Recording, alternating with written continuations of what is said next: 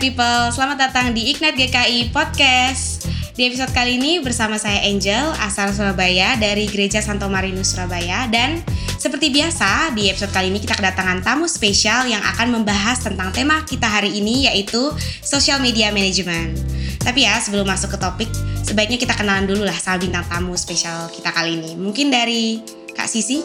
Oke, halo, namaku Sisi, aku dari Jakarta, bergereja di GKI Kelapa Cengkir, dan merupakan founder dari Melon Branding Agency. Oke, sekarang Kak Cynthia. Oke, halo semua. Uh, perkenalkan, namaku uh, Cynthia, domisilinya di Surabaya. Uh, aku dari Social Media Agency Socialworks. Uh, terus sekarang bergereja di GKI Residen Sudirman, Surabaya. Oke, sekarang karena kita udah saling kenal, kita langsung masuk aja ke topik kita hari ini ya. Nah, Kak, kita semua tahu ya kan, belakangan ini uh, sosial media tuh terus-menerus improve, upgrade lah intinya. Uh, salah satu yang terbaru kan misalnya kayak Twitter, baru-baru ini yang ada kayak Fleets dan Space, terus Instagram juga yang kayak ada stiker, filter yang beragam, baru-baru ini yang juga mirip kayak TikTok gitu ya, kayak yang kayak Reels-Reels gitu. Nah, Kak Sisi dan Kak Cynthia ini kan bekerja nih mengelola sosial media gimana sih pengaruhnya tadi perubahan yang tadi yang bisa dibilang cepat juga ya ke kinerja sosial media manajemen sendiri? Oke.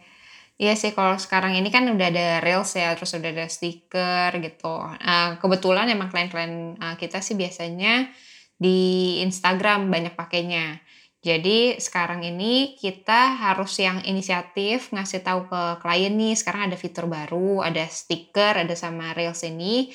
Kalian uh, bisa pakai untuk uh, naikin awareness kalian yang gitu ke non followers. Jadi uh, kita yang suggest klien-klien kita mau nggak sih pakai fitur-fitur baru ini gitu.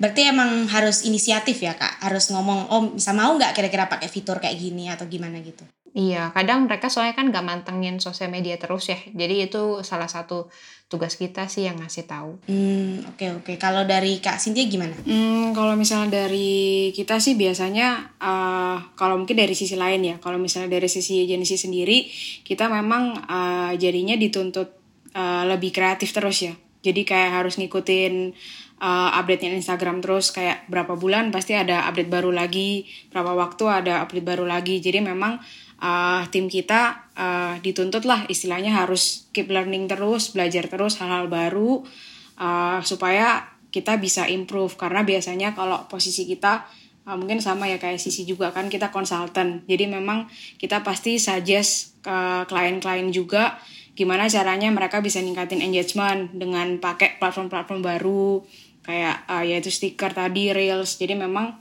uh, kita dari posisi agensi pun harus justru uh, paling cepat untuk uh, apa ngikutin itu gitu sih terus setelah itu kita uh, jadi ngajarin klien lah istilahnya gitu berarti harus tetap keep on track ya kak ya harus tetap keep on track hmm. sama perubahan zaman yang bisa dibilang cepet juga ya kak hmm. hmm, hmm. kejar-kejaran hmm. lah kalau kerja di sosial media ya iya kejar-kejaran hmm. deadline walaupun fitur yang nggak nambah pun kadang algoritmanya juga berubah terus kan soalnya hmm. betul walaupun bayarannya tetap ya Oke oke kak, uh, kan gini ya, eh, kadang-kadang kan juga sosial media ini kan digunakan bagi klien ini untuk meningkatkan popularitas brand mereka sendiri lah. Dengan adanya fitur-fitur tambahan yang tadi tuh kan banyak klien yang bisa dibilang disverifikasi di sosial media. Sebenarnya fitur-fitur tambahan tadi tuh seberapa penting sih hadirnya mereka dengan untuk meningkatkan popularitas dari um, klien sendiri atau dari brand klien sendiri? Oke, kalau dari aku sih uh, penting banget ya karena fitur-fitur contohnya kayak Reels nih karena masih baru banget. Jadi dari segi Instagramnya sendiri tuh juga uh, ngebantu buat ngebus itu gitu. Jadi orang-orang yang pakai fitur terbaru mereka uh, algoritmanya masih lebih dimudahin. Jadi dengan kita ikutan posting pakai fitur tersebut, uh, tentunya kita dapat lebih banyak reach juga gitu. Kalau dari Kak Cynthia gimana? Hmm, setuju sih sama sisi juga. Jadi memang uh, ya itu tadi karena kalau Instagram kan kita ngomong Instagram ya uh, itu algoritma itu salah satu yang paling penting dan kalau misalnya uh, kita lihat Instagram dia pasti selalu uh, mempermudah lah engagement kita, reach kita kita lebih tinggi kalau uh, di fitur-fitur barunya mereka. Misalnya kayak dulu IGTV, kalau kita masuk IGTV duluan, nah itu lebih diutamain misalnya gitu. Kalau misalnya IG Story biasanya kan kalau Instagram sering ada event-event ya. Biasanya kayak ada stiker-stiker tambahan gitu. Kalau kita cepet itu apa engagementnya bisa tinggi banget kayak gitu. Misalnya kayak uh, terakhir apa ya? Uh, yang vaksinate itu ya, yang berhubungan sama vaksin juga. Nah itu kalau kita pakai stiker itu engagementnya jadi jauh lebih tinggi. Nah kayak gitu-gitu sih memang yang kita harus ikutin terus sih gitu. Tapi kalau misalnya nggak ngikutin gitu kak, misalnya uh, apakah itu juga berpengaruh? Maksudnya apa? Jadi nurun atau gimana? Lebih ke arah jadi lebih stuck aja, maksudnya kayak akhirnya ketinggalan aja sih brandnya. Mungkin gitu sih. Hmm. Mungkin sisi gimana? Hmm, kayak ada kesempatan, tapi kita nggak ambil gitu ibaratnya sih. Berarti penting banget ya kak gitu ya. Kalau pakai itu bisa engagementnya lebih tinggi. Oke. Okay. Ya penting lah Mm-mm. Paling nggak itu hal organik yang bisa kita lakuin. Kan itu kan kayak nggak pakai budget tambahan terus kayak Benar, uh, uh, cuman butuh effort aja yang lebih aja. Kayak gitu. Jadi biasanya sih klien suka sih. Kalau yang uh, apa no budget tapi uh, bisa improve engagement mereka suka lah. Gitu. Kalau kita semua suka ya pasti kalau no budget tapi tetap bisa dapat improve. Ya benar-benar mm -mm. Oke, uh, sekarang masuk ke bagian konten nih. Kan kalau konten di Instagram sendiri nih kak, kan tujuannya ada macam-macam ya. Ada yang memang kalau aku tahu sih yang memang buat jualan yang kayak produk base banget. Ada juga yang sebenarnya kayak informasi. Ada juga yang entertainment. Nah, menurut kakak-kakak nih, uh, gimana sih sebenarnya seorang pengguna sosial media misalnya kayak Angel gini, itu mau menciptakan sebuah konten yang tujuannya itu bisa pas dan kayak mengamplifikasinya itu tepat gitu ke audiens. Nggak salah arah nih jadinya maksudnya kan kadang soalnya uh, Angel lihat sendiri kalau ada konten-konten yang sebenarnya mau jualan tapi terus jadinya kayak terlalu ke arah entertainment jadi kayak audiensnya nggak nangkep maksudnya apa. Nah itu gimana caranya mungkin dari kak Cynthia dulu gimana? Kalau misalnya dari kita sih biasanya pasti uh, kita tentuin dulu kayak target audiens kita mau siapa gitu. Jadi biasanya setiap brand kita selalu tanya uh, mereka Instagram uh, objektifnya mau apa, terus target audiens dia sekarang untuk marketing itu siapa? Kira-kira bisa masuk ke Instagram apa enggak? Karena enggak semua brand juga bisa cocok sama platform Instagram. Ada yang mungkin cocok sama Facebook. Misalnya kayak sekarang ada TikTok enggak semua brand juga langsung bisa masuk ke TikTok. Ada yang cocok ada yang enggak. Jadi sebenarnya kita pasti harus tahu dulu objektif dia pakai sosial media itu apa, terus tentuin lah uh, kayak target marketnya dia siapa. Terus misalnya perilaku target marketnya di sosial media itu kayak apa, mereka suka baca konten kayak apa, suka video kayak apa, lihat interestnya mereka. Nah nanti setelah itu kita baru namanya langkah bikin konten. Kalau dari aku sih gitu sih, mungkin sisi ada tambahan. Iya, kalau kebetulan aku tuh uh, ada klien kita yang pakainya LinkedIn justru beberapa sih. Hmm. Jadi memang mereka B2B. Jadi kita juga harus tahu tuh kalau misalkan uh, klien kita F&B cocoknya pakai platform apa. Kalau misalkan B2C kayak misalnya jasa gitu ya atau holdings itu kita harus pakai contohnya LinkedIn. Jadi biar uh, penggunanya itu uh, target audiensnya pun tepat gitu. Karena kalau misalnya kita carinya yang profesional, nggak mungkin kita taruh di TikTok kan gitu.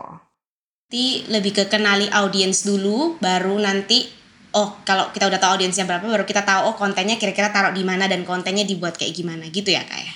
Hmm. Betul. Oke oke. Um, kalau ini masih dalam pembuatan konten ya kak. Kalau buat konten tuh kira-kira tantangannya apa aja sih untuk mengoptimalkan konten buat brand yang ya apa ya yang kan di satu sisi kan namanya konten kan harus juga memberikan manfaat bagi audiens dan netizen lah. Belum lagi kan kadang-kadang juga dapat feedback jelek apa ya tantangannya kira-kira apa aja? Oke okay. uh, eh, aku dulu kah oh boleh boleh kak boleh. Oke okay, uh, eh, kalau tantangan sih bikin konten uh, mungkin originalitas kali ya. Jadi kayak out sorry otentik ya. Jadi kalau sekarang kan konten itu banyak banget. Jadi uh, kalau kita nggak autentik ya orang juga males untuk ngefollow juga kayak gitu. Nah itu sebenarnya sebenarnya untuk brand agak uh, susah juga sih. Kadang klien-klien kan dia maunya uh, misalnya langsung mirip banget sama kompetitornya kayak gitu-gitu. Cuman dari kita pasti selalu menyarankan kalau bisa ya mereka oh kalau nggak terlalu hard selling. Jadi ngupload produknya terus kayak gitu. Nah padahal kan followers juga bosen ya. Kalau lihat misalnya hari ini lihat bear brand kan lagi lagi hype ya. Lagi misalnya lihat susu besok konten susu lagi manfaat susu lagi kayak gitu gitu kan bosen juga. Nah kadang memang uh, kesulitannya yaitu sih mau bikin konten yang mungkin autentik yang beda yang bisa tingkatin engagement mungkin kayak personal juga ya. Kayak konten juga mestinya bisa personal. Mestinya kalau platform Instagram itu kita bisa pakai uh, jauh lebih sederhana sebenarnya kayak gitu. Cuman karena sekarang namanya Instagram bisnis jadi kadang ada klien-klien juga mikirnya harus bisnis banget harus kayak iklan terus tiap post itu harus kayak iklan kayak gitu-gitu. Cuman ya pinter-pinternya kita buat bikin konten kasih suggestion supaya konten-kontennya bisa lebih engaging lah. Ya contohnya itu pakai reels pakai IG story kayak gitu-gitu kan uh, lebih ngobrolnya lebih enak ya. Mungkin itu ya kalau dari aku kesulitannya sih kadang kalau bidangnya itu ya nggak familiar sama kehidupan kita sehari-hari gitu. Uh, syukur-syukur kalau kita dapat kliennya yang contohnya F&B atau fashion itu sehari-hari kita lihat lah gitu ya. Tapi kalau misalnya kita dapetin kliennya itu yang contohnya industri, terus uh, bidang kesehatan yang udah fluktuatif banget beritanya gitu kan. Terus kadang kita juga nggak paham dia ngomongin apa gitu kan. Itu kayak uh, ngulik bahan-bahannya, ngenalin produknya itu jauh lebih susah gitu. Jadi kayak kita belajarin hal-hal yang selama ini kita nggak pernah tahu bahkan. Ya aku pernah dapat ini sih klien apa namanya yang paling susah itu uh, atap rumah. Uh, jadi kayak atap rumah gitu hmm. kan bingung ya mau kontennya apa gitu bahas bahas uh, tentang atap rumah kayak gitu-gitu. Cuman ya dia maunya di sosial media pokoknya kayak mau upload lah, mau bikin konten ya udah kita usahain lah kasih tips-tips, kasih apa kayak gitu. Cuman ya jumlahnya jadi terbatas ya. Kayak gitu. Mungkin kalau Cila apa ya yang paling susah? Hmm, kalau aku yang paling susah itu dulu uh, dia itu pivot gitu dari mesin pabrik ya kan? Karena uh, kemarin itu lagi pandemi awal-awal terus jadi uh, beberapa barangnya itu stuck gitulah. Jadi harus pivot ke mesin kremasi.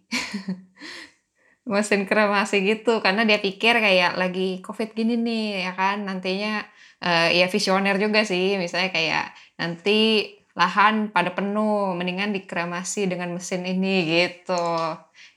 Jadi membingungkan juga bikin kontennya sih. Tapi kalau kayak gitu gimana kak? Maksudnya yang bagian masalah yang tadi yang buat kontennya itu. Jadinya maksudnya jalan keluarnya gimana dari tantangan itu?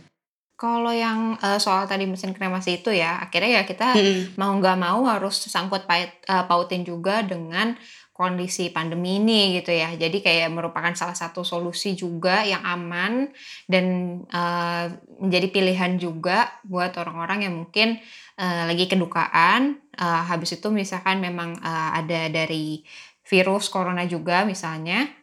Nah itu lebih baik dibakar misalnya seperti itu dan biayanya lebih murah dan ini kan dijualnya ke orang-orang yang mau beli mesinnya kan bukan ke orang-orang yang justru pengguna end usernya gitu bukan tapi memang uh, untuk orang pembisnis yang mau bikin uh, untuk krematorium gitu. Nah, akhirnya solusinya setelah kita bikin kontennya itu yang berhubungan dengan COVID itu, eh, akhirnya kita, tapi kesulitan lagi kedua aja, kesulitan buat ngiklaninnya. Karena semua yang berhubungan dengan COVID atau pandemi atau ya pokoknya semuanya lah itu ya, nggak ya, boleh diiklanin. Antiseptik, yes, lalala itu udah nggak bisa semua. Iya, itu pusing lah gitu ngiklaninnya gimana. Jadi cuma bisa bikin konten, nggak bisa diiklanin. Pikir Paling lagi. via, aku nggak tahu sih kalau endorsement juga susah juga ya. Kalau produk gitu kan nggak bisa di uh, endorse juga makanya susah sih. Kalau Kak Cynthia waktu itu gimana jadinya akhirnya? Uh, jadinya biasanya kita memperluas temanya. Jadi misalnya kayak atap berhubungan sama atap rumah ya kita banyak bahas topik tentang rumah. Jadi gimana caranya uh, mungkin uh, apa interior rumah juga kita bahas terus kayak gimana cara pilih misalnya nyambungin sama gardening juga. Jadi kita perluas topiknya sih. Topiknya kita perluas, nggak cuman bahas tentang atap aja, tapi kita perluas topiknya ke yang lain-lain. Kayak gitu sih. Jadi memang banyak masalah ya kalau buat konten ini nggak segampang yang dikira juga ya kan kita biasa mikir ya udah buat-buat aja. Tapi ya ternyata ada tantangannya juga. Uh, kalau nah ini yang mungkin yang paling penting yang terakhir nih. Apa aja sih yang perlu diperhatikan kalau misalnya Angel atau Ignite People nih pingin buat konten mungkin buat brand atau organisasi di kampus atau mungkin konten gereja gitu supaya dapat menyuarakan institusi tersebut dan dapat banyak dampak lah dari audiensnya harus relate sih menurutku ya. Jadi kalau mau bikin konten itu uh, kita harus memposisikan diri kita itu sebagai audiensnya. Kalau kita uh, bikin konten berdasarkan yang oh kayaknya uh, bagus nih orang nyari informasinya. Tapi nggak relate nggak terlalu sedekat itu dengan audiensnya akhirnya kayak cuman koran aja gitu yang dibaca tapi uh, nggak di mereka nggak komen nggak likes gitu cuma dibaca doang sama kalau misalnya dari aku uh, mungkin konsistensi sih yang pertama. Jadi soalnya kadang uh, biasanya banyak orang semangat di awal buat bikin konten untuk brandnya atau misalnya untuk sekarang banyak personal branding juga ya. Jadi kayak mereka uh, personal branding juga bikin konten uh, baru kayak belum sebulan atau baru ngepost berapa post udah kayak wah nggak ada yang lihat gitu kan. Jadi terus berhenti gitu. Padahal kalau misalnya kita ngomong di sosial media namanya branding itu uh, itu long term banget gitu. Maksudnya kayak itu jangka panjang bukan jangka pendek.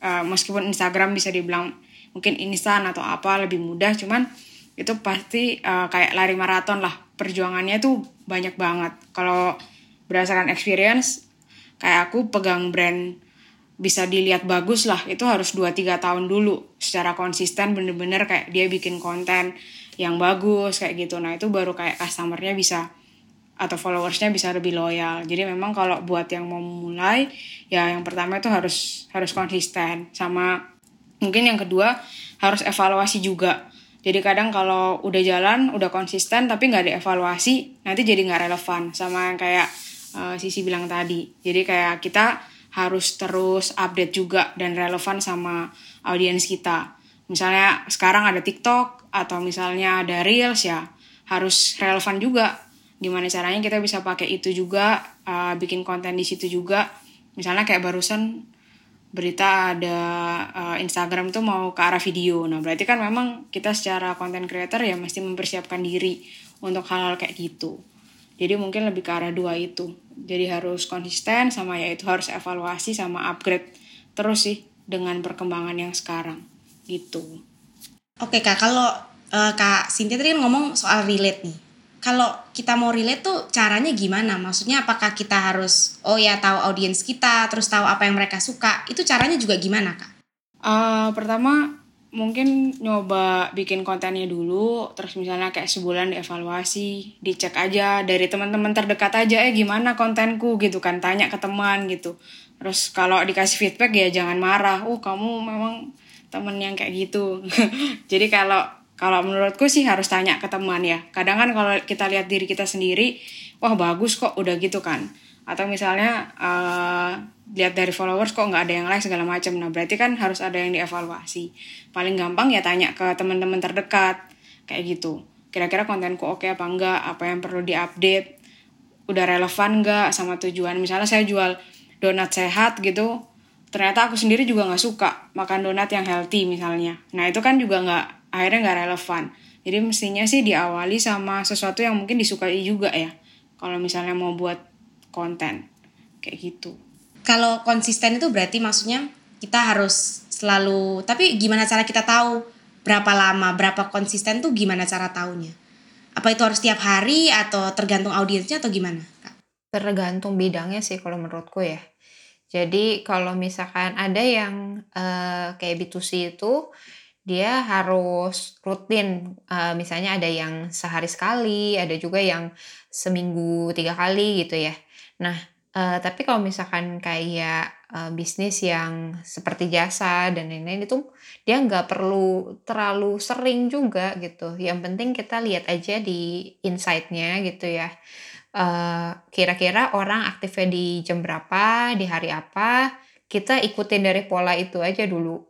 Nanti kita tinggal tambahin gitu. Oh kalau misalnya kurang, tambahin deh di seminggu jadi lima kali contohnya gitu.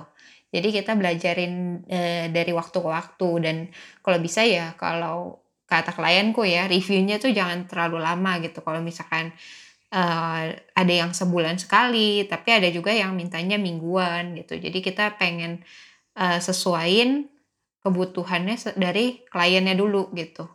Karena kalau kita menyamaratakan klien-klien kita, jatuhnya tuh ada yang feedbacknya kelamaan atau uh, yang jadinya udah gak relevan lagi yang tadi kayak Cynthia bilang kan kayak udah telat nih seharusnya ini dilakukan uh, dieksekusinya minggu lalu gitu. Berarti yang penting itu uh, relate terus relev uh, konsistensi dan juga evaluasi. Evaluasi berarti yang juga harus selalu dilakukan terus ya kak ya. Yap betul. Hmm. Betul. Oke, itu dia tadi pembahasan kita tentang social media management. Semoga pembahasan yang diberikan oleh Kak Sisi dan Kak Cynthia bermanfaat ya buat Ignite People semua. Makasih juga buat Kak Sisi dan Kak Cynthia yang sudah berkenan membahas social media management di episode kali ini. Thank you, okay, thank you. Thank you buat kesempatannya. Ignite People selain dengerin Ignite GKI Podcast, jangan lupa untuk ngecek juga website Ignite GKI www.ignitegki.com, YouTube channel Ignite GKI yaitu Ignite Spasi GKI dan server Discord. Lastly, terima kasih sudah mendengarkan. Sampai jumpa di episode berikutnya di hari Jumat depan. Bye bye Ignite People. Bye.